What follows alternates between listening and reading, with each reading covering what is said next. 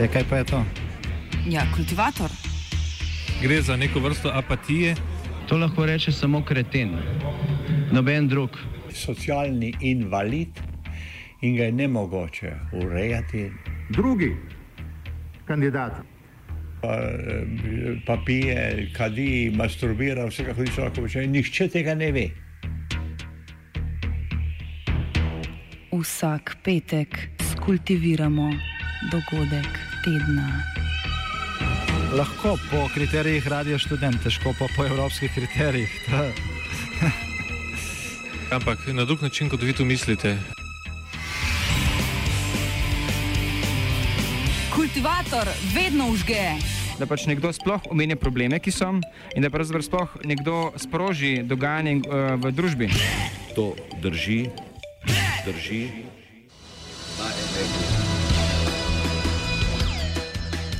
Občinsko-vladni ping-pong.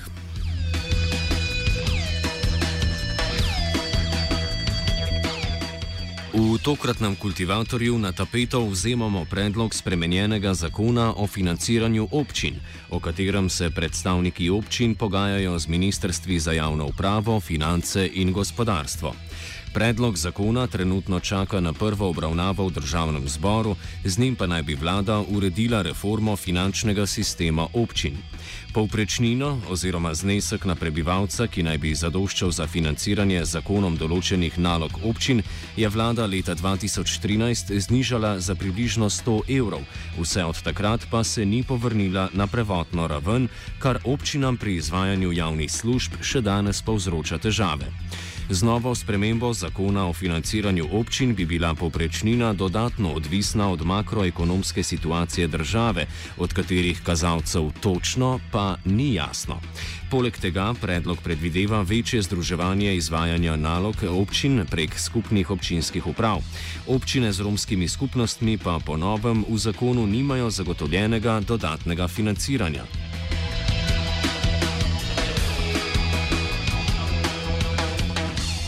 Namen spremembe zakona povzame Roman Lautar iz službe za lokalno upravo Ministrstva za javno upravo.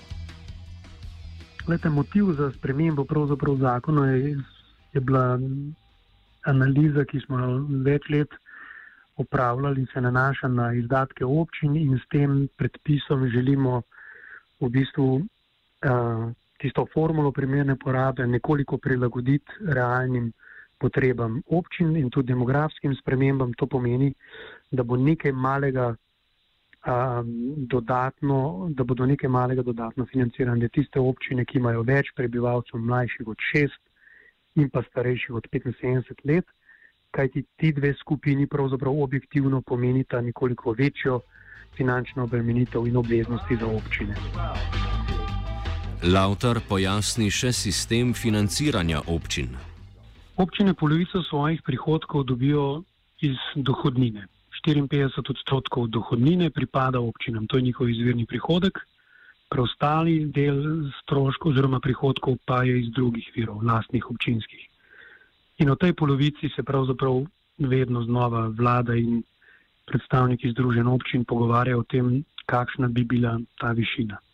Zakon določa tudi, na kakšen način se razdelijo sredstva med občinami. Se pravi, teh 54 odstotkov dohodnine se pač določi po posebni formuli. Število prebivalcev, potem število mlajših od 6 let, starejših od 75, število kilometrov cest, občinskih cest. To so glavni parametri.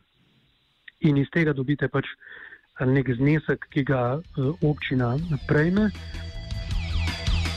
Spremembi zakona, ki bosta najbolj vplivali na delovanje lokalne samouprave, povzame predsednik Združenja občin Slovenije Robert Smrdel. Pravzaprav ključni spremembi v okviru financiranja so dve, glede na zdajšnje stanje. In sicer um, po eni strani se spreminja sistem sofinanciranja skupnih, delovanja skupnih občinskih uprav. Uh, naše mnenje je, da pristop uh, ni najbolj posrečen uh, in da bomo pravzaprav imeli precej dela s to spremembo, pa zelo malo učinka, če ne celo več škode kot koristi. Tako da gre se namreč za to, da bi spodbudili več dejavnosti, eh, ki ne bi se izvajale v, v okviru skupnih občinskih uprav, hkrati se pa omejujejo sredstva na isto maso, kot je trenutno stanje porabe sredstev, to je okrog 5 milijonov je stroškov za skupne občinske uprave, ampak če bo več dejavnosti, se prisililo več dejavnosti, to pomeni, da bo procent sofinanciranja manjši. To pa hkrati pomeni, da bo dejansko že v obstoječih občinskih upravah manj interesa za jih formirati in tako naprej. Skratka, na tak uh, zapleten krok se stavimo, pa predvsej dela bomo imeli s tem, to je en segment. Ta drugi problem je pa eh, način določitve eh, poprečnine, to se pravi tega izvirnega prihodka eh, občin eh, na prebivalca. Eh, predvideno po novem sistemu je predvideno, da se izračunajo povprečni stroški, potem pa vlada eh, predlaga državnem zboru določitev višine poprečnine na podlagi makroekonomskih eh, kazalcev in stanja javnih financ v državi. Trenutno je pa tako, da se ta povprečnina po formuli direktno izračuna, res pa je, da v praksi uh, se tu ta povprečnina potem v samem zakonu o izvrševanju proračuna znižala. Deluje zelo komplicirano. Uh, skratka, uh, nov predlog je tak, da daje pravzaprav proste roke vladi in državnem zboru, da določi višino povprečnine. Spremembo zakona je predvidena reforma sistema skupnih občinskih uprav. Te občinam omogočajo nižanje stroškov z združevanjem določenih nalog. S predlogom zakona se širi nabor dejavnosti, ki jih občine lahko izvajajo v okviru skupnih uprav. Prav tako bi zakon zahteval, da so v skupne uprave povezane vsaj tri občine namesto sedanjih dveh. Smrdel pa vzame osrednjo funkcijo skupnih uprav. Skupne občinske uprave v veliki meri so, um, pokrivajo uh, inšpekcijski nadzor, uh, komunalna redarstva, uh, tega daleč največ. Potem so pa še uh, kakšne uh, skupne občinske uprave, pokrivajo potencialno še kakšen prostor ali kaj podobnega, ampak tega je zelo malo. Tako da uh, ta segment, ki je bil racionalen in smiseln, da se dela skupaj, je že zdaj v veliki meri pokrit. In to je dobro zagotovo je tukaj manj stroškov strani občin, če, so, če delajo skupaj, sploh pa je stimulacija vlada, da delajo skupaj, zaradi tega, ker um, so, je bilo 50% krito iz vidika sofinanciranja strani uh, državnega proračuna. In zaradi tega je ta stimulacija in se tu dela skupaj. Zdaj, če te stimulacije bi ne bilo, je zelo verjetno, da kakšna občinska uprava bi še bila ali pa kar nekaj bi bilo zagotovo pa ne toliko, kot je zdaj. Ne. Po mnenju Miloša Senčurja, vodje strokovne službe Združenja mestnih občin Slovenije, pa skupne občinske uprave. Na nek način zapolnjujejo prostor, ki, eh, ki po eni strani eh, manjka zaradi odsotnosti druge ravni lokalne samoprave, po drugi, in ta je bolj bistvena, pa eh, zmanjšuje, zmanjšuje um, manjko, eh, manjko ali pa sposobnost lokalne samoprave kot take zaradi premehnih občin, ki so v Sloveniji.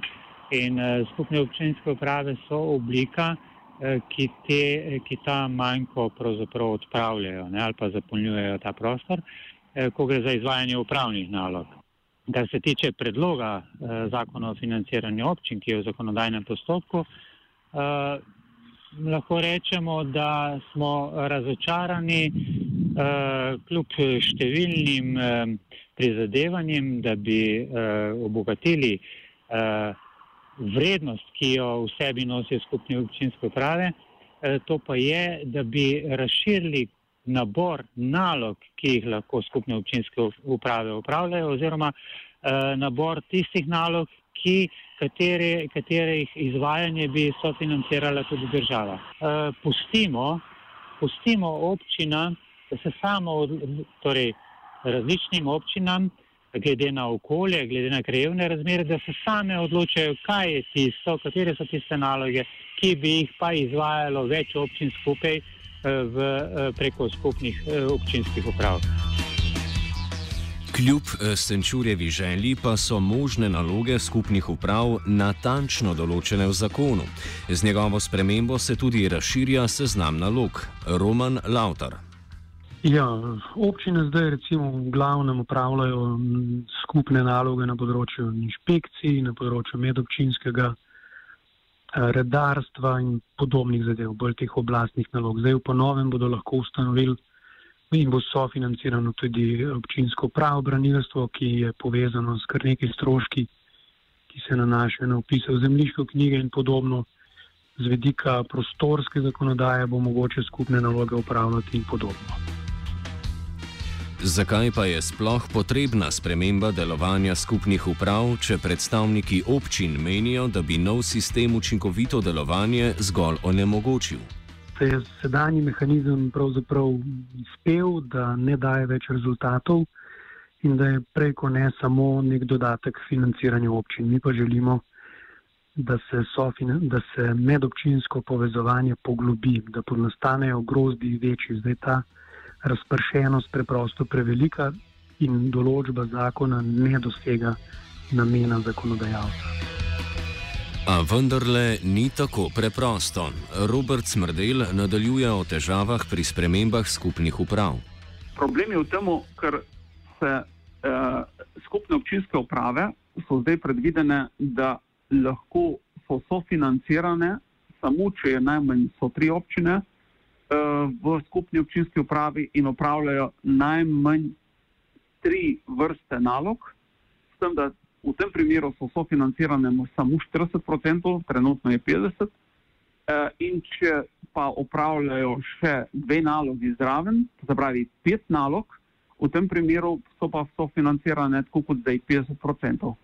Torej, iz zdajšnjih najmanj dveh, morajo biti ponovno tri občine vključene in ne več upravljati recimo samo ene ali pa dveh nalog, ampak morajo biti najmanj pet nalog. To pomeni, da bodo nove občinske uprave, skupne občinske uprave, precej večje, nekatere se bodo pa zelo verjetno ukinile, ker ne bo potrebe med občinami, da bi upravljali toliko nalog in toliko občin bo skupaj. Problem je v tem, ker to pomeni, da če bomo precej več stvari počeli znotraj skupnih občinskih uprav, bo precej več stroškov. Ampak glede na to, da je bila pa omejitev narejena na maso sredstev, kakršna je zdaj eh, sofinanciranje, se pravi na teh 5 milijonov evrov, To pomeni, da bo dejansko sofinanciranje ne več 50%, ampak bo sorazmerno pri vseh občinah manjše in bo recimo 25%. Zelo verjetno pa je, da če bo do tega prišlo, da interesa za skupne občinske uprave ne bo več. Nasprotja med vladnim in občinskim pogledom se nadaljujejo tudi pri določitvi povprečnin. Smrdela razloži, zakaj spremenjeni zakon vladi daje preveč manevrskega prostora pri njenem izračunu. Ja, zdaj, eh, pravzaprav ta izračun, eh, ki je predviden zdaj po novem zakonu, ne vpliva na posamezni izračun za posamezno občino. Eh, sicer je tudi predvidena manjša sprememba same formule, kjer ne bi bil večji poudarek na najmlajših, pa na najstarejših. Eh, tako da tukaj bo neko manjše odstopanje, ampak tu ni glavni problem zgodbe. Eh, bolj je problem to, kar sem prej že omenil, to se pravi, da eh, dobiva vlada proste roke za določitev višine poprečnine. Namreč naše ustrajanje je, da se v zakon definira, kaj je tisto, kar bo konkretno vplivalo na potencijalno znižanje povprečnine, glede na izračunano višino povprečnine, s čim se jo bo manjšalo, oziroma kaj se mora v državi, kakšno makroekonomsko stanje mora biti, zato da se povprečnina občinam zmanjša, ali drugače, če prevedemo, eh, kdaj bo tista situacija, ko bomo občine dobile polno povprečnino. Trenutno smo v situaciji, ko imamo povprečnino približno za 20% nižjo od tiste od stroškov. Eh, in kdaj bo situacija naše makroekonomske eh, slike taka, da bomo dobili polno poprečnino. Tega odgovora ni in tu je za, za občine popolnoma nespremljivo. Nizke povprečnine po letu 2013 pa že sedaj občine vodi v reze njihovih dejavnosti. Smrdel. Ko je trenutno um, letošnja povprečnina uh, je določena na 553,5 evra, izračunana na podlagi uh, zakona o financiranju občin. In to pomeni izračunana, gre se eh, za to, da se pregleda, kakšne stroške so v preteklih letih, dveh letih imele občine in povprečje se izračuna, to pomeni, da stroškov pa so občine imele za eh, 650 evrov. To pomeni, razlika je približno 100 evrov eh, na prebivalca, v masi je to eh, približno 200 milijonov evrov. Eh, ta sredstva, seveda te naloge so občine izvajale, eh, ampak so ta sredstva kanalizirale iz drugih virov, ki bi jih sicer porabile za druge namene. Naprimer, nadomestilo za uporabo stavbnega zemljišča uh, je en od pomembnih virov in skupaj znese ravno teh 200 milijonov evrov. Uh, in logika je, da se je približno večina teh sredstev iz nadomestila uporabila za izvajanje teh tekočih obveznih nalog, vrsti, šole, sofinanciranje domov za ostarele in tako naprej. To so ne take zelo veliki odhodki. Uh, namesto, da bi ta sredstva uporablja za eh, komunalno opremljanje, recimo novih zemljišč, za vzdrževanje cest, eh, za vzdrževanje eh, kanalizacij, vodovodov, ki m, več ali manj posod puščajo in tako naprej. Naprimer, sredstva za odnajmin stanovanj, več ali manj občine imajo precej stanovanj, namesto da se ta sredstva pobrana od najmin kanalizirala za obnavljanje in vzdrževanje stanovanj, gre to zdaj v tekočo porabo. In to en čas gre, par let, tu se da. Ampak postanejo pa že taki problemi in tako velika škoda nastaja, da enostavno se z istimi sredstvi tega ne da več zakrpati.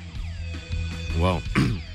Um, vlada je ravno tako iz zakona črtala določilo, ki govori o dodatnem financiranju občin z romskimi skupnostmi. Lautor to odločitev utemeljuje sledeče. Ta določba ni bila nikoli v praksi uveljavljena in za njo tudi ni potrebe. Zato smo se odločili, da jo črtamo. Gre namreč za to, da imajo, romski, da imajo prebivalski romske etnične skupnosti drugačne pravice po ustavi kot predstavniki italijanskih in mađarskih eh, narodnih skupnosti. Gre namreč za to, da je vse to opredeljeno v istem členu, tako rekoč v istem odstavku. Ne? In eh, pri a, italijanski in mađarski narodni skupnosti gre evidentno za povečane stroške občin, ki jih imajo a, zaradi tega, ker morajo poslovati dvojezično. Pri romski populaciji pa temu ni tako. Namreč ta dodatek, ki ga zakon o financiranju uh, določa za občine, kjer živijo italijanska in mačarska narodna skupnost, je pravzaprav uh, neke vrste korektiv k primerni porabi. Uh, pri teh devetih občinah, v katerih prebivajo prebiva, pre, se pravi pripadniki italijanske in mačarske narodne skupnosti, gre za nek dodatek, to je nekih 6-7 milijonov letno, se ni ne vem kaj. Um, ki pomenijo pač pokritje dodatnih stroškov, ki jih občina ima zaradi dvojezičnosti. Vse, drugi, vse druge storitve pa mora občina zagotavljati za vse prebivalce, ne glede na njihovo etnično pripadnost. Tudi Romom pripada voda, elektrika, cesta, vrtec in kar je še tega. Zato ni potrebe potem, da bi v tem zakonu ki govorijo na splošno in ki ureja sistem financiranja občin, določajo neke posebne mehanizme za a, to vrstne aktivnosti. To vsebuje že sam zakon kot tak. Mhm. Poleg tega, če smo že pri Romih, pa imamo še poseben zakon o romski skupnosti, ki pa bolj določno določa prav to razmerje med občinami in državo, ka, kakšne so dožnosti enih in drugih Župan občine Novo mesto Gregor Macedoni podobno ugotavlja, da zakon sedaj ni bil izvajan, a so njegovi zaključki nasprotni od Lautarjevih. Torej, v sedanjem sistemu država ne zagotavlja sistematičnega financiranja teh posebnih nalog, ki jih imamo lokalne skupnosti na področju uresničevanja raznih programov, ki se tičejo problematike romske skupnosti. In zato so bile seveda naše pričakovanje, da se bo v novi verziji zakona to bolj sistematično uredilo in bolj celovito. Pri čemer trenutno stališče države, da kvečemo še to zavezo, ki jo je imela v dosedanjem zakonu, pa tudi jo ni uresničevala, še dodatno ukinja. Sicer z obrazložitvijo teh ukrepov, ki so delno seveda tudi razporejeni po posameznih ministrstvih, vendar mi danes ocenjujemo, da tri četrt nalog, ki jih imamo mi iz naslova posebnosti in te naše posebnosti, ko pač poskušamo integrirati in uresničevati enakost z romsko skupnostjo, eh, da teh eh, programov in teh eh, nalog nimamo financiranih. Mi v tem trenutku lahko uresničujemo samo sofinanciranje izgradne infrastrukture v romskih naseljih, torej to neko bivansko problematiko. Ta, ta ver je zagotovljen znotraj uh, uh, proračuna Ministrstva za gospodarski razvoj in tehnologijo. Uh, če govorimo pa o recimo romskih pomočnikih, je to neka direktna politika Ministrstva za izobraževanje, uh, potem pa seveda se dejanski nabor ukrepov uh, sistematičnih ukrepov, eh, pri katerih sodeluje tudi lokalna skupnost eh, neha. In mi mislimo, da to seveda ni dovolj in vidimo, da se tudi razmere iz leta v leto poslepšujejo, torej mislim, da mogla država znati bolj celovito in bolj sistematično pristopiti k sofinanciranju in oblikovanju programov. Robert Smrdel, kultivator, zaključi z mnenjem o uspešnosti pogajanj z vlado glavnina eh, teh dilem je pa ostala odprta in eh, spoh, kar se tiče višine določitve poprečnine, eh, tukaj eh, nimamo občutka, da bomo prišli eh, tako skupaj, da bi lahko eh, rekli, ok, tam se lahko strinjamo, ker je zadeva zadost egzaktna in vemo, kaj nas čaka. Zadeva se je tako, zakon se tako odpira, da sploh občine ne vemo, kaj nas v prihodnjih letih ali pa v buduče čaka glede financiranja, sploh ne moramo določiti niti približno številk. Um, po drugi strani pa, kar se tiče pa uporabo sredstev za sofinanciranje investicij, pa tudi nismo dobili eh, odgovorov, ki bi lahko rekli, da gremo v poenostavitev. Eh, pač obljuba je bila, da bodo razmislili, na kakšen način lahko to naredijo, ampak to je samo stvar dobre volje strani predvsem eh, vlade, da se odloči in eh, sredstva, ki so zdaj dodeljena občinam, in vsaka občina do centa točno ve, koliko lahko porabi, da se tukaj um, odprejo uh, vrata za tisto, kar občine najbolj rabijo. Ker tu so državna sredstva, tu ne so neka kohezijska, da bi že vnaprej definirana z nekimi namenskostmi in tako naprej.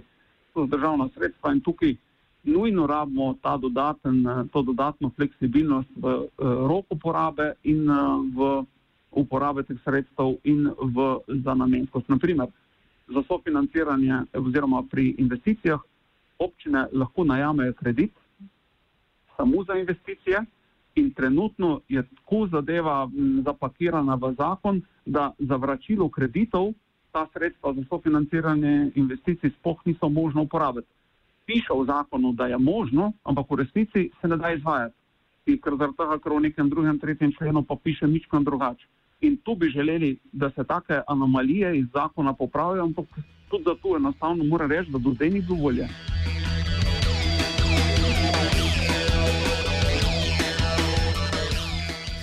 Kultiviral je Martin.